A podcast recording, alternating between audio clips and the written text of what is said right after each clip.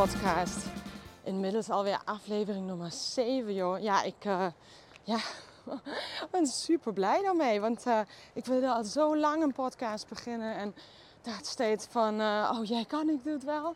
Maar nou ja, I'm doing it. Zo, ik heb net de kinderen naar school gebracht. Lekker door de regen op de fiets. Maar ja, ik vind wel ja, ja ik hoop dat ze daar wat uh, doorzettingsvermogen van opsteken. Dat ze gewoon lekker gaan fietsen naar school elke dag. Ja, als het nu echt mega glad is, dan zou ik natuurlijk lopen of ze met de auto brengen, hangt daarvan af. Maar ja, normaal gesproken vind ik wel. Uh, ja. ik moest vroeger ook altijd op de fiets. Ik weet niet of dat. Uh, maar volgens mij, ik zie zoveel Nederlandse ouders ook altijd op de fiets met de kinderen. Maakt niet uit welk weer. Dus ik denk wel dat het hier ook zo gaat. Hè? Um, maar ja, nu is het lekker droog gelukkig.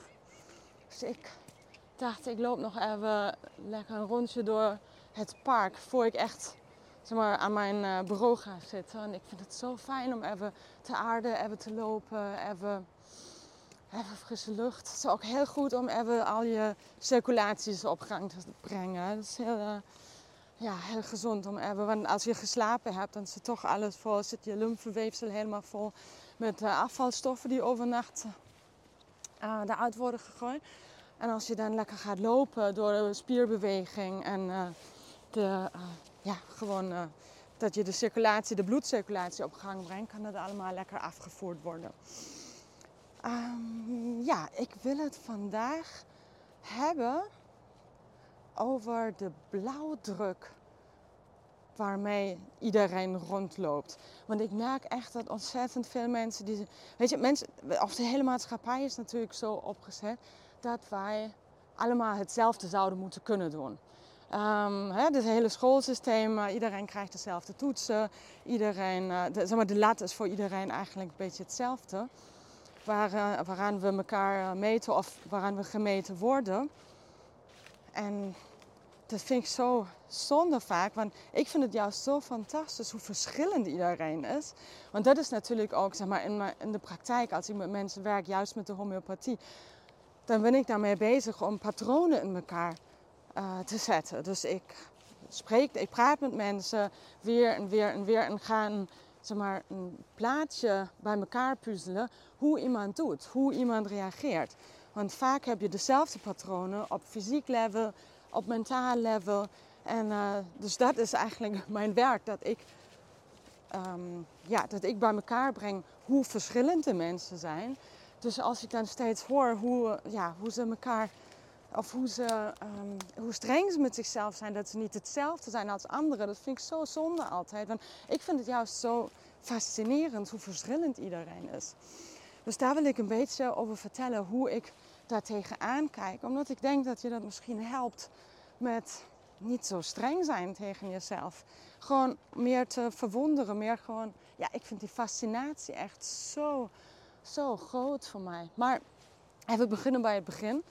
Um, wat ik altijd heel fijn vind om het maar, als metafoor om mee te werken. Als ik mensen uitleg um, hoe je blauwdruk eigenlijk werkt. Stel, je hebt een zaadje, zo'n zo zaadje van uh, een plant of zo. Dat je, zeg maar, voor je die inplant, voor die de juiste leefomgeving heeft, is die, ja, lijkt die best wel ja, dood. Hij beweegt niet. Hè? Dus uh, hij, is, uh, hij is gewoon best wel. Het is een stuk. Zo. En dat vind ik ook zo fascinerend aan wetenschappers bijvoorbeeld. Die weten precies wat voor moleculen erin zitten in zo'n zaadje. Dus kunnen het eigenlijk best wel uh, precies nabouwen, nabootsen. Maar hij gaat niet groeien als die nagebouwd is. Kunstmatig gebouwde zaadjes gaan niet groeien. Wat daar dan in zit in zo'n zaadje is dus iets wat... Ja, daar kan je heel veel zweverige namen aan toekennen. Ja, levenskracht. Uh, is die die ik het meest... Dat, um, zeg maar, levenskracht gebruik ik meestal als begrip daarvoor. En uh, deze levenskracht die zit dus in zo'n zaadje, maar die zit ook in jou. Die zit in alles wat leeft eigenlijk. En deze levenskracht, een bepaalde trilling, die stuurt dus de cellen aan. En die zorgen dat cellen zich op een bepaalde manier gedragen, groeien bijvoorbeeld. Maar die bepalen ook hoe snel, zeg maar, je kan dus deze trilling, die kan verschillend zijn. Die is voor iedereen verschillend. die krijg je eigenlijk soort van bij geboorte mee. Je soort trilling. Hoe jij, zeg maar, hoe je bijvoorbeeld gaat groeien. Of hoe je je gaat gedragen later. Natuurlijk heeft dat altijd is dat een wisselwerking met de omgeving waarin je leeft. Maar dat is dan maar dat pakketje met dat je geboren wordt. Dat is dan een, ja, dat uh, is, krijg je mee van je ouders. Um, of ouders, maar in ieder geval van, uh, uh, bij de bevruchting krijg je dat mee. Een soort van standaard frequentie um, op die je trilt. En dus je groeit, of je groeit op deze trilling dat blijft altijd bij je. Dat gaat je sturen, gaat bijvoorbeeld sturen hoe, hoe snel je groeit, hoe uh, lang je groeit, hoe breed je groeit, wat voor uh, fysieke klachten je op een gegeven moment gaat ontwikkelen, wat voor mentale klachten je gaat ontwikkelen. En dit is dus wat ik in het, bijvoorbeeld in het homeopathisch consult uh, in elkaar zet. Dus door heel veel vragen van hoe doe je dit dan, hoe reageer je daar, hoe reageer je op kou, hoe, wanneer heb je de meeste klachten, wanneer doet het pijn, weet ik veel. En um, daar kan je, zeg maar, aan je blauwdruk zelf, kan je eigenlijk vrij weinig doen, zeg maar, dat je reageert hoe je reageert. En dus dat maakt dat het eigenlijk nou ja, zeg maar, dat het onmogelijk wordt dat je jezelf vergelijkt met iemand anders. Je kan voor jezelf steeds, bijvoorbeeld zeg maar, um, uh, als je je blauwdruk bekijkt, hè, als je helemaal gezond bent en je uh, gezondheid dus maximaal is op de hoogste level, dan ervaar je vrijwel geen klachten. En dat is dus voor elke blauwdruk zo. Dan zou je eigenlijk geen klachten moeten ervaren. Dus dat is het maximaal haalbare. Op fysiek level niet en op mentaal level niet. En als je dan achteruit gaat in je gezondheid, dan ga je last hebben van bepaalde klachten die bij jouw blauwdruk horen. Dus die bij jouw reactiepatroon horen, bij dat pakketje wat jij hebt meegekregen. En omdat je pakketje gemaakt wordt bij de bevruchting, is het dus heel goed mogelijk dat je dezelfde dingen, lichamelijke of mentale klachten krijgt als een van je ouders. Dus dan noemen we het, het wordt overgeërfd. Hè. Dus, maar dat is jouw blauwdruk en je kan op die schaal van gezondheid kan je dus omhoog en omlaag gaan.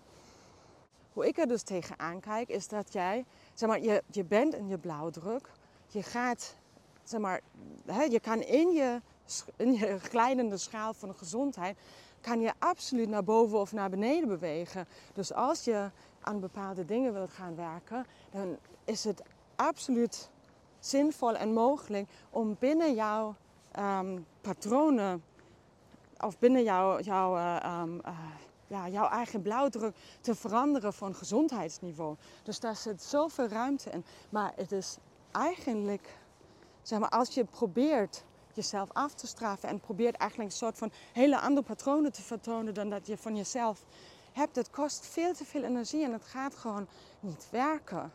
En dat is niet wat, wat ik, zeg maar, hoe ik daar tegenaan ga, dat is gewoon niet haalbaar. Dat is wel wat de maatschappij vraagt van ons. Of wat we gesuggereerd krijgen dat dat gewoon maar moet kunnen. Maar zo kijk ik daar absoluut niet tegenaan. Dus wat ik denk, waar je, zeg maar, als je aan het struggelen bent met iets, wat je vooral, zeg maar, wat, wat, heel, wat heel belangrijk is eigenlijk, blijf jezelf verwonderen over die dingen die jij doet, waarom je die doet. En kijk er gewoon open naar en liefdevol van waarom doe ik die dingen die ik doe. Als je bijvoorbeeld steeds weer ongezonde keuzes maakt of weet ik veel, te laat naar bed gaat. Probeer dan te kijken waarom doe ik dit eigenlijk. Dus vaak, heel vaak is het al zo, als we daarnaar kijken naar die dingen, uh, of waarom we bepaalde dingen doen, dat dat al ontzettend veel helpt. Hè? Zoals als die ene vrouw waar ik het um, um, een paar afleveringen geleden over had, die dan steeds weer s'avonds, uh, op het moment dat iedereen op bed lag, dan ging ze die koekjes pakken. En toen ik tegen haar zei dat het eigenlijk is dat zij, zo volgens mij, mijn, hoe ik naar haar verhaal luisterde, dat je eigenlijk een, een knuffel mist. En dat je eigenlijk heel, ja, eigenlijk uh, uh, wat liefde miste door de dag. En die ga je dan proberen op te vullen met koekjes. Dus dat, sindsdien, zei ze ook, ze was vorige week ook weer bij mij op consult. Sindsdien zegt ze ook, ben ik zachter met mezelf en kan het beter laten. En uh, kijk er dus heel anders tegenaan. Het is niet in één keer helemaal veranderd. Maar gewoon om dan steeds weer te kijken van hoe, ehm, wat doe ik eigenlijk? Waarom doe ik wat ik doe? En dus liefdevol daarna te kijken. En wat ik ook heel belangrijk vind om, zeg maar, als je zelf wil gaan werken, te kijken sinds wanneer heb ik bepaalde patronen? Heb ik dat altijd al gehad? Of was er een moment uh, in de geschiedenis waar, waar dat veranderde?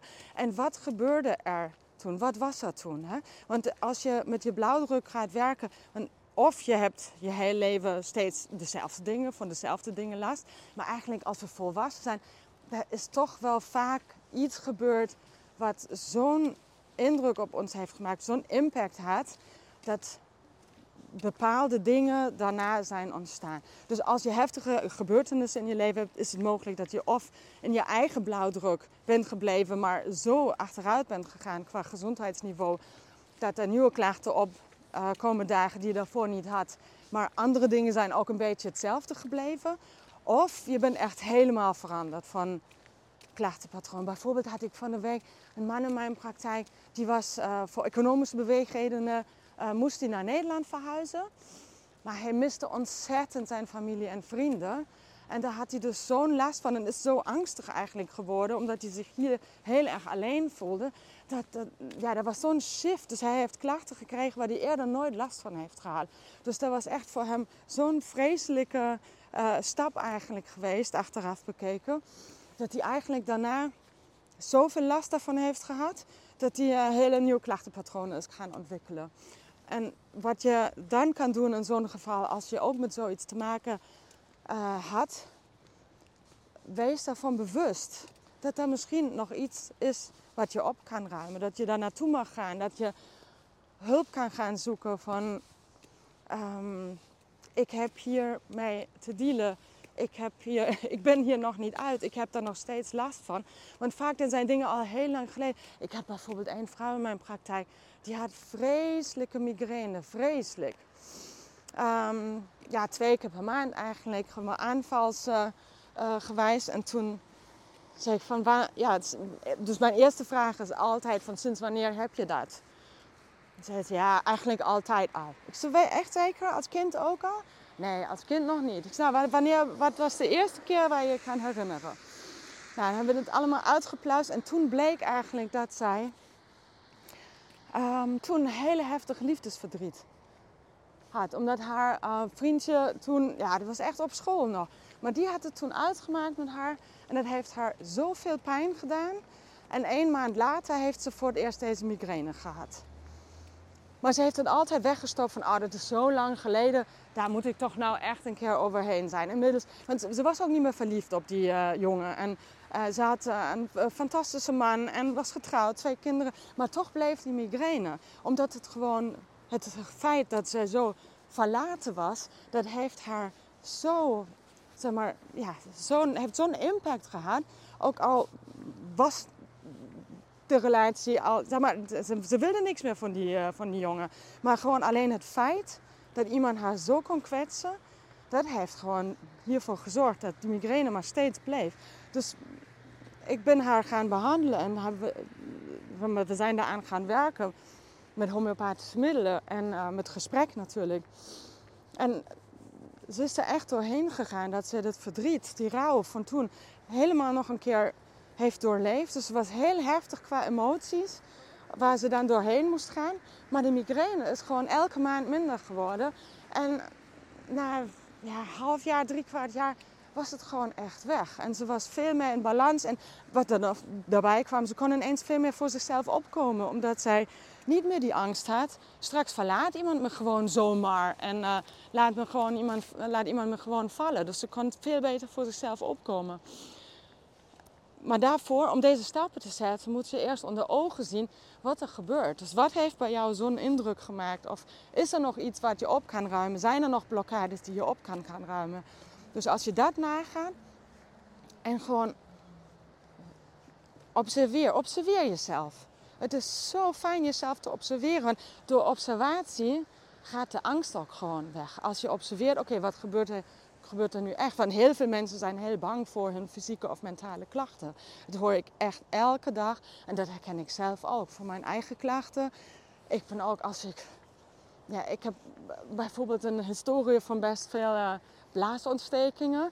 Die ik in, ja, door mijn leven heen steeds kom. Als mijn immuunsysteem achteruit gaat, dan is dat iets waar mijn lichaam toe neigt me dat dan te geven. En het zijn echt helse pijnen. Echt verschrikkelijk.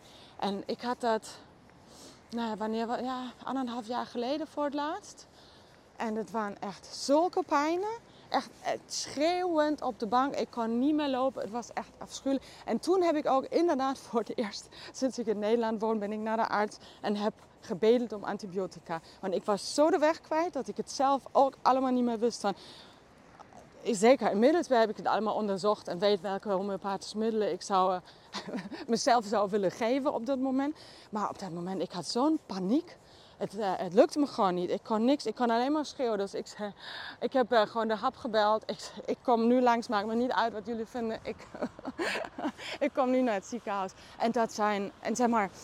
Daarna heb ik die blaasontsteking helemaal niet meer gehad. Maar die angst daarvoor, dat heeft zo lang geduurd tot ik daarvan af was. En steeds weer daar naartoe gaan. En steeds weer, oké, maar het is er nu niet meer. Dus deze angst, ja, die kan ook echt behoorlijke stoorzender zijn op jouw weg naar, naar heling, naar genezing. Dus daarom, wat ik je mee wil geven, ja, observeer gewoon je, jezelf gewoon goed. Er is zoveel te halen gewoon al door te kijken. Wanneer doe ik wat? Hoe voelt dat? Hoe voel ik me als ik dat doe? Wat, um, ja, wat. Uh, ja, hoe, hoe voel ik me als ik bepaalde dingen doe of niet doe?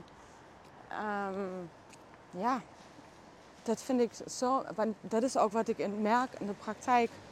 Dat mensen, als ik dat met ze aanga, zo'n traject, ze gaan een heel ander lichaamsbewustzijn krijgen. In het begin zijn mensen vaak zo, als ik vraag, ja, hoe voelt het dan? Ja, pijnlijk. Ja, dat is een vervelende pijn. En dan vraag ik steeds verder door van waar zit het dan precies? Wanneer komt het op? Wanneer, hè, wat doe je dan? Wat... En mensen, zeg maar, de langer ik met ze werk, de gedetailleerder kunnen ze al op die vragen antwoorden uh, die ik ga stellen, omdat ze zichzelf beter kunnen observeren. Dus dat is dat alleen al, denk ik, het is al zo'n winst als je daarna kan kijken, wat ben ik eigenlijk, uh, zeg maar, wat, wat, wat, wat vertoont mijn lichaam of mijn geest? Wat, hoe kan ik dat lezen en uh, daar een soort van patroon in zoeken? Dan ga je automatisch, kan niet anders, minder streng worden met jezelf. Als je echt gewoon gaat observeren. Als je observeert, kan je niet streng zijn. Observeren is altijd neutraal. Dus ik hoop dat je hier echt ontzettend veel aan hebt. En dat je hier echt, ja, gewoon weer gaat verwonderen over je eigen blauwdruk. Dat zou ik je gunnen ontzettend.